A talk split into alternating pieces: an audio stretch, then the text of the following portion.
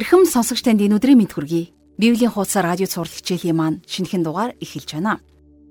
Тэгэхээр өнгөрсөн удаагийн хичээлээр бид итгэл нэгт ахан дүүсийн талаар хамтдаа суралцсан. Таныг Христ итгэл дотор хил хязгааргүй хамгийн том улсын иргэн болсон тухайг сануулгатай баяртай байна. Мөн итгэгч бид Иесус Христэд итгээ зогсохгүй. Итгэл дээрээ олон зүйлийг нэмэх ёстой гэдгийг өнгөрсөн хичээлээр үзсэн. Тэгэхээр тэдгээр чанарууд бол бидний итгэлийн амьдралд байгаа зогсох биш. Бүр улам бүр өсөж нэмэгдэх ёстой юм. Хэрвээ бид тэгж чадвал бидний итгэлийн амьдрал үр жимсээр арвин баялаг байх болно. Эсвэргээрээ бидний итгэлийн амьдралд эдгээр чанарууд дутмаг байх юм бол бид итгэл дотроо байгаа эсгээ хүртэл шалгаж нягтлж үзэх ёстой юм.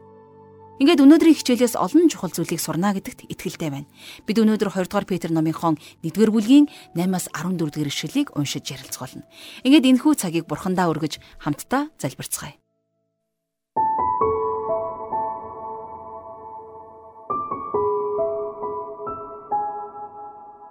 Бурхан эзэн минь, таньда энэ цагийн төлөө талархал өргөн залбирч байна. Энэ өдөр бид таны үгийг судалж, таныг улам илүү таньж мэдхийг хүсэж байна бид итгэлийн амьдралдаа итгэлээр хэрхэн батжиж бас итгэлийн амьдралд хэрхэн үр жимстэй амьдрах вэ гэдгийг та бидэнд ойлгуулж ухааруулаач. Таны үгийг өдөр бүр амьдралдаа хэрэгжүүлэн амьдрахын тулд ариун сүнсээрээ биднийг хөтлөн дагуулаарай. Та бас өөрийн ариун сүнсээрээ энэ цагийг та удирдах өгөөрэй. Бүхний танд өргөж эзэн Есүсийн нэрээр залбирanгуйж байна. Амен. Ингээд хамтдаа жаргалах шийчээлд анхаарлаа хандуулъя. За 2 дугаар Петрийн захидлын 1-р бүлгийг өнөөдөр хамтдаа үргэлжлүүлэн үзэхдээ 8 дугаар ишлэлээр хичээлээ эхлүүлье. За Петр ингэж бичсэн байгаа. Та нарт эдгээр нь байгаад нэмэгдсээр байвал энэ нь эзэн Есүс Христийг маань мэдхэд та нарыг ашиггүй, үр жимсгүй байлгахгүй гэж бичсэн байна. За өмнөх хичээлээрээ болохоор бид нэр итгэгч та биднийг итгэл дээрээ юуг нэмж хамтдах ёстой вэ гэдэг талаар дэлгэрэнгүй үзсэн. А энд Петр бидэнд хэлэхдээ хэрвээ та нарт эдгээр нь байгаад за энэ бүхэн нэмэгдсээр байх юм бол гэж хэлсэн байна, тийм ээ. За эдгээр гэдэг нь юу хэлсэн бэ? Тэгэхээр өнгөрсөн хичээлээр үзсэн чанаруудыг эргэн санацгаая л да. Итгэл, сайн чанар буюу эр зориг, мэдлэг, өөрийгөө захирах, төвчээр, итгэл сүсэг буюу бурханлаг байдал. За дээрэс нь ах дүүсэг инрэл болон за итгэдэггүй хүмүүсийг хайрлах хайр. За энэ бүх чанарууд итгэгч та бидний дотор байх ёстой гэж бид ярилцсан тийм ээ. Тэгэхээр Петр эдгээр зүйлсийн тухай ярихдаа эдгээр зүйлс нь та бидний дотор байх ёстой гэдэг талаас нь өгүүлсэн болохоос биднийг зөвхөн гадаад байдлаараа шашинлаг дүртэй байх тухай өгүүлсэн хэрэг биш юм аа. Яагад гэвэл энэ дэлхийн ялцрал та бидний дотор байдаг. Харин бид нар Бурханаас Бурхан чанарыг нь өвлөн авсан учраас та бидний дотор энэхүү ялзралтай тэмцэх тэмцэл цаг ямагт өрнөж байдаг. Өнөөдөр маш олон гаж урсгалынхан гадаад байдлаараа энэ дэлхийгээс холдохыг чармайдагч гисэн а яг үнэн хэрэгтээ болвол зүрх сэтгэлд нь ямар ч өөрчлөлт гараагүй байдаг юм а. Тэгэхээр Петр та нарт эдгээр нь байгаад нэмэгдсээр байх юм бол гэж хэлэхдээ эдгээр чанарууд та бидний дотор зөвхөн байгаа зогсохгүй тийм ээ. Бидний дотор тасралтгүй нэмэгдсээр байх ёстой шүү гэдгийг сануулсан байгаамаа. Хэрвээ та бидний дотор эдгээр чанарууд байгаад за энүүгээрч зогсохгүй нэмэгдэж байгаа бол энэ нь эзэн Есүс Христийг мань мэдхэд та нарыг ашиггүй үр жимсгүй байлгахгүй гэдгийг Петр нэмж хэлжээ. Энд гарч байгаа ашиггүй гэдэг үгийн грек утга нь дими сэлгүүцэх, сул зогсох гэсэн утгыг давхар агуулж байдаг. Өөрөөр хэлэх юм бол дээрх чанарууд болвол та бидний дотор байх ёстой. А эдгээр чанарууд хэрвээ бидний дотор байх юм бол бид нар хий дими гараа хумхиж сул зогсохгүй гэсэн үг. За нөгөө талаасаа болохоор энд Петр ариун сүнсний үр жимсний тухай өгүүлсэн байна. Та бид нар өөрсдийнхөө хүчээр ариун сүнсний үр жимсийг хизээч ургуулж чадахгүй. Бид өөрсдийгөө бурханд өргөж, бурхны өмнө бууж өгч, усан үзмийн мод болох Есүс Христтэй холбогдож байж л үр жимс ургуулна. За энэхүү үр жимс нь итгэл, эр зориг, мэдлэг, өөрийгөө захирах, төвчээр, бурханлаг байдал, ах дүүсэг хайр болон үл итгэгчдийг хайрлах хайр гэсэн эдгээр зан чанарууд юм а. Итгэгч та бидний хувьд нэг талаасаа өөрсдөө үр жимс ургуулж чадахгүй. А гэхдээ нөгөө талаасаа бидний амьдрал заавал үр жимстэй байх ёстой гэдгийг санах хэрэгтэй. А тэгэхээр байна.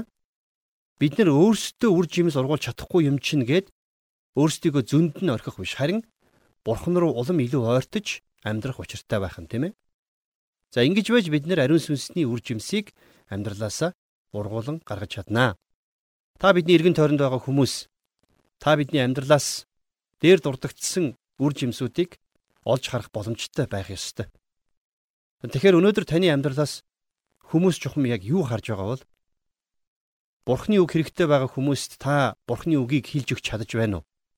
Бурхны тухай гэрчлэл хэрэгтэй байгаа хүмүүст та өөрийнхөө амьдралаар гэрчлэл болж чадаж байгаа юу? Энийг та нухацтай бодоод үзээрэй. За 9 дугаар эшлэлдэр эдгээрээр дутагддаг нь урдийн нүглээсээ цэвэршснээ мартсан сохор богино бодолтой нэгэн юм а гэсэн байна тийм ээ. За энд Петр нэгэн чухал сэдвийг хүндсэн байгаа. За энэ бол та бидний хувьд өнөөдөр их чухал зүйл шүү. Юу вэ гэхээр өнөөдөр итгэлийн амьдралда хүсэл тэмүүлэлгүй болчихсон итгэгчид маш олон байна. Тэрж битгийх л өөрийнхөө авралдаж бүрэн итгэлтэй байж чаддгүй итгэгчид зөндөө байна. 1-р Коринтын 16 дугаар бүлгийн 13-аас 14 дугаар ишлэлдэр Паул ингэж уриалсан байна. Сэрэмжтэй бай. Итгэлтэй бат зогс. Иршүүд бай, хүчтэй бай. Бүх юм чинь хайр дотор хийгдэг. За бас 2 дугаар Коринтын 13-ын 5 дугаар ишлэлдэр Паул хэлэхдээ та нар итгэлд байгаа эсхэ шалга өөрсдийгөө судал. Эсвэл Есүс Христ та нарын дотор байгааг та нар өөрсдөө мэддгүй юм уу? Та нар үнэхээр шалгалтандаа ундгүй юм бол гэсэн баг. За эдгээр үгс бол их ноцтой үг байгаамаа. Та бид нар өөрсдийгөө үнэхээр итгэл дотор байгаа эсхийг шалгадаг байх ёстой шүү. Хэрвээ бид нар итгэгч болчихсон хэрнээ гим нүгэлтэд найзалж гим нүгэл дотроо сэтгэл хангалуун амьдрч болно гэж бодож байгаа бол эндүрч байна. Ийм байх боломжгүй. Өнөөдөр Христэд итгэсэн нэгэн авралаа алдахгүй гэдгийг мэддэг хэрнээ өөрийгөө үнэхээр Христэд итгэгч мөн эсхийг мэддэггүй итгэгчид зөндөө байна. Жинхэнэ итгэгч хүн авралаа алдахгүй гэдгийг мэддэг байна гэдэг нь бол объектив ойлголт. Харин өөрийгөө үнэхээр итгэгч мөн эсхийг мэднэ гэдэг бол субъектив ойлголт. Харин ийм хүмүүсийн талаар Петр хэлж байна тийм ээ.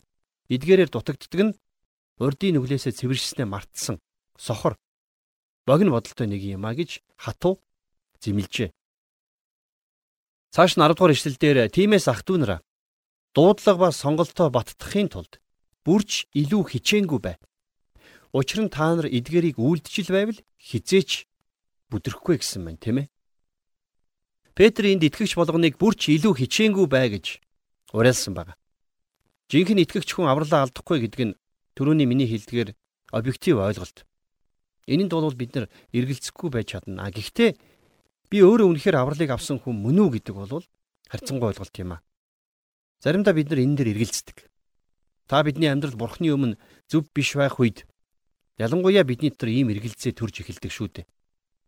За эсвэргээрээ бид нар бурхны хүслийн дотор алхаж үр жимстэйгээр амьдрах үед Харин энэхүү эргэлзээ алга болдог. Тэгэхээр бид нар авралыг авахын тулд өөрсдөө хичээн зүтгэх шаардлагагүй ч гэсэн итгэлийнхээ амьдралыг утга учиртай зөв эргэлзээ айдсгүй байлгахын тулд бол хичээнгүйлэн зүтгэж амьдрах ёстой байх нэ. За би нэрээд хэдэн жилийн өмнө их нэртэйг гэр бүл болж байсан. А гэрлэлтэй баталгаатай болохын тулд хичээх шаардлагагүй. Яагаад гэвэл эхнэр бит хоёр гэрэлсэн нь үнэн. За энийг батлах гэрчилгээч гэсэн байгаа. А гэхдээ гэр бүлийн амьдралаа илүү утга учиртай, илүү гэрэл гэгээтэй байлгахын тулд аль аль нь маш их хичээх ёстой байдаг тийм ээ. А тэгвэл бидний итгэлийн амьдрал ч гэсэн энэнтэй яг адилхан. Петр тиймээс ах トゥ нараа дуудлага ба сонголтоо баттахын тулд бүрч илүү хичээнгүй бай гэж хэлснийг харах юм бол яг л саяын миний иш татсан жишээтэй адилхан сонсогдож байна. Хамтдаа итгэлийн амьдралдаа хичээл зүтгэлтэй байцгаая. Ингиж өөрсдийнхөө авралыг зүрх сэтгэл, оюун санаандаа илүү баттай болгоцгоё. За энэний дараагаар Петр учир нь та нар эдгээрийг үйлдчил байх юм бол хизээч бүдрэхгүй гэж хэлсэн байна. За итгэлийн амьдралдаа бүдэрч гим нүгэлд автаж итгэлийн замаас хазаалсан олон итгэгчидтэй би уулзаж байсан. За хамгийн сонирхолтой нь тэд нар дандаа өөрсдийнхөө авралд эргэлздэг хүмүүс байсан. Өөрийнхөө авралд эргэлзэгч хүний дотор итгэлийн бат суурь байдаггүй гэсэн үг. Үргэлж ганхдаг гэсэн үг тийм ээ. За ингээд цааш нь 11 дугаар ишлэлдэр ингэснээр бидний эзэн бөгөөд аврагч Есүс Христийн мөнх хаанчлалд хангалттай орох болно гэсэн байна. За Петр энд биднэрт Есүс Христийн хаанчлалын талаар онцлон сануулсан байна. Тэгэхээр Петрийн хувьд тэрээр Есүс Христийн хаанчлалыг хүссэн хүлээгч нэгэн байсан. Яагаад гэвэл Петр өөрт нь энэ дэлхий дээр амьдрах хугацаа маш бага үлдсэн гэдгийг мэдэж байсан. За тийм ч учраас Петр 14 дугаар ишлэлдэр ингэхдээ бидний эзэн Есүс Христийн надад тодорхой болгосончлон би удахгүй асраа тайчхаа мэдэж байна гэж бичсэн байна. За мэдээжээр асар гэж хэлснээрээ Петр өөрийнхөө бие махбодыг хэлсэн байна. Тэгэхээр энэ дэлхийг орхиж Бурхны оршуу руу явах гэж байгаагаа бол Петр мэдэж байсан. Тийм учраас энд Есүс Христийн мөнхийн хаанчлалын тухай өгүүлсэн байна. 12 дугаар ишлэл дээр Тиймээс хэдийгээр та нар эдгээр зүйлсийг мэдэх бөгөөд эдүгээ өөрсдөд чинь байгаа үнэнд батжсан байлаач гэсэн би та нарт эдгээрийг ямагт сануулж байх болно гэж Петр бичсэн байна. Өөрийгөө тэднэртэй удаан хамт байхгүй гэдгийг Петр мэдэж байсан. За тийм учраас тэднийг сүнсээр өсөх ёстойг дахин нэг удаа чухалчлан сануулсан. За нөгөө талаасаа сүнсээр өссөн итгэгчид ч гэсэн За бас сүнсээр үргэлжлүүлэн өсч сүнслэг ирч хүч идэвхээ хадгалах нь чухал. А ингэхгүй бол олон жил цуглаанд явж олон зүйлийг сурч мэдсэн хэрнээ ямар ч идэхгүй итгэгчд болно. Тэрнээ толгойдоо маш их зүйлийг мэддэг ч гэсэн амьдрал дээр ямар ч үйлдэлгүй байдаг. Тийм учраас бид нэр Петрийн сануулж байгаачлан үргэлж Есүс Христийг мэдэх мэдлэгийн дотор өсч зогсон байдалд орохгүй байх нь чухлаа гэдгийг нэмж хэлмээр байна. 13 дугаар ишлэлдэр би энэхүү асар дотор байхдаа та нарыг сануулгаар сэрэхэ зөв гэж үзэж байна. За энд Петр өөрийнхөө бие махбодыг дахин нэг удаа асартаа зүрлсэн байна, тийм ээ.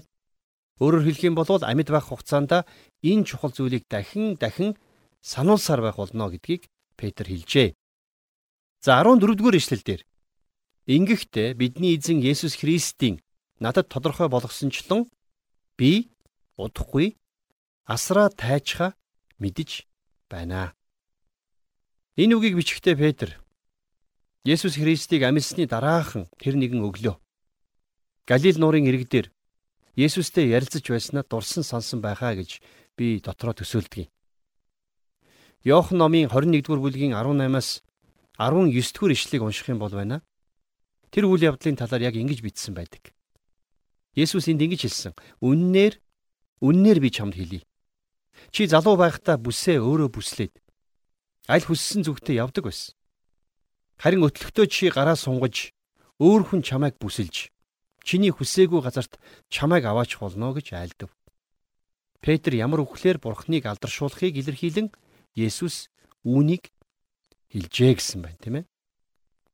За тэгэхээр энэ ишлэлээс харах юм бол Петр удахгүй энэ дэлхийг орхин одох гэж байгаагаа сайн мэдэж байсан удахгүй өөд болох гэж байгаа хүний сүүлчийн үг гэдэг бол чухал байдаг.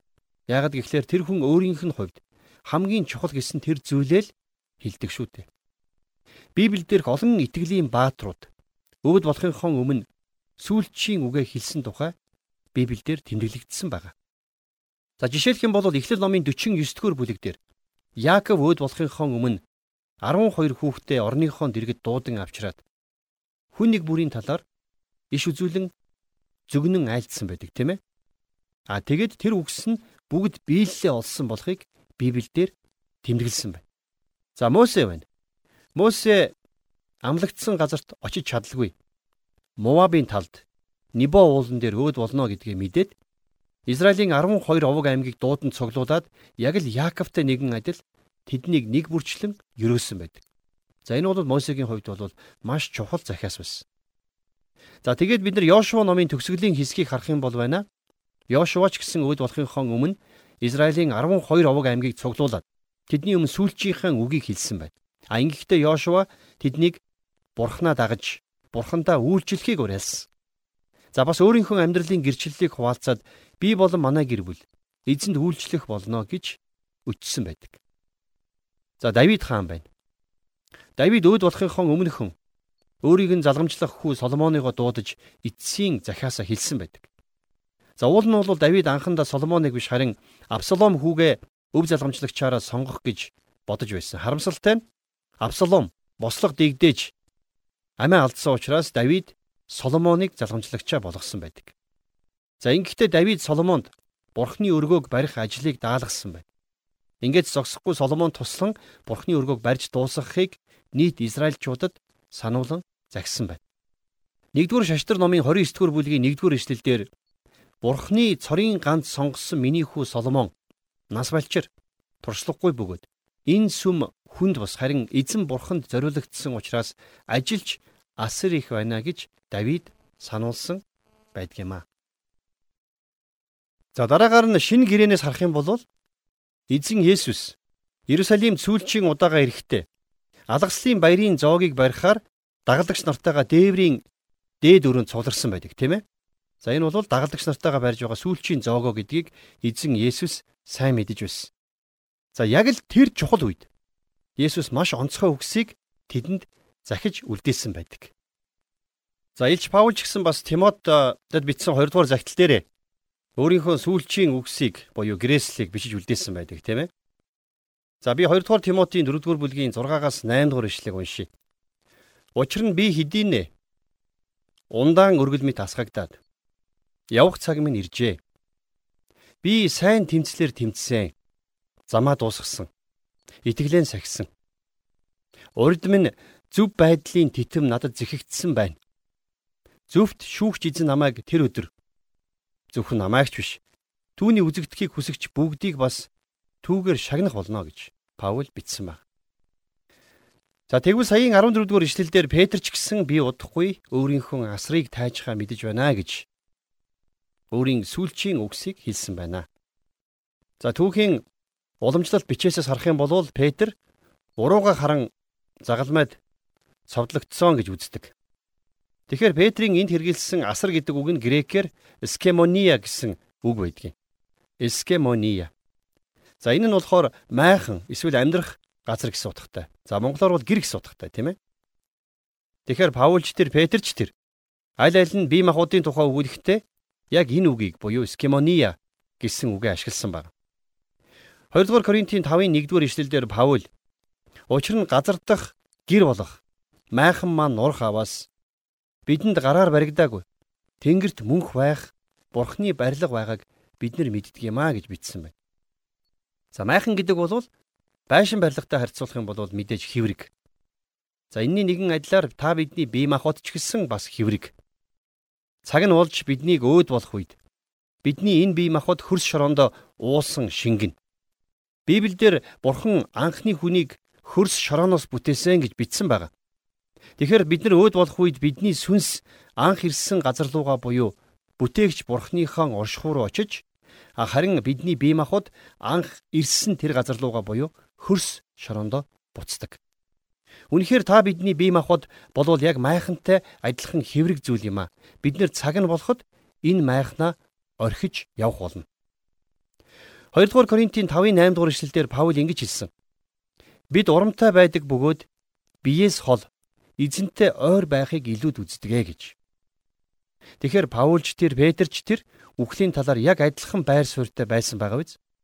Та бидний дотор нь амьдарч байгаа энэхүү асар майхан буюу та бидний бие махбод цаг нь ирэхэд нойрсон. Харин бидний сүнс хизээч нойрсохгүй. Хэрвээ сүнс нойрсохгүй юм бол бидний амьлалт гэдэг ойлголт нь бидний сүнстэй биш. Харин бидний бие махбодтой холбоотой байна гэсэн үг. Грекээр амьлалт гэсэн үг нь анастасис буюу босож зогсох гэсэн утгатай үг байдаг. Анастасис. Өөрөөр хэлэх юм бол Есүс Христ энэ дэлхий дээр дахин ирэх тэр үед бид нар цоо шин биеийг хүлээн авч эзний өмнө босч зогсох болно.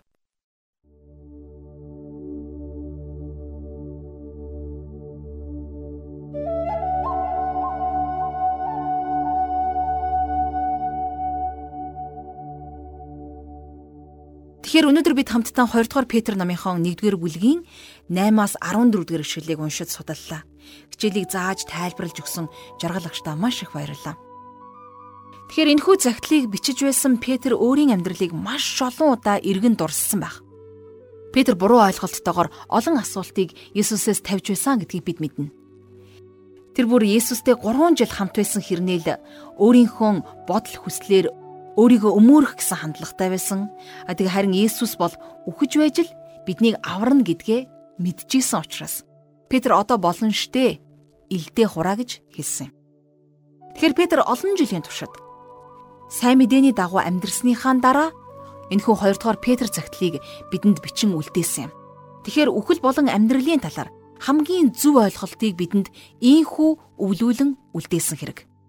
20 дугаар Петр номоо үргэлжлүүлэн судлаарай. Дараагийн хичээл хүртэл өнөөдөр сонсон сурсан болгоныхоо төлөө Бурханд талархал магтаал өргөн залбирая.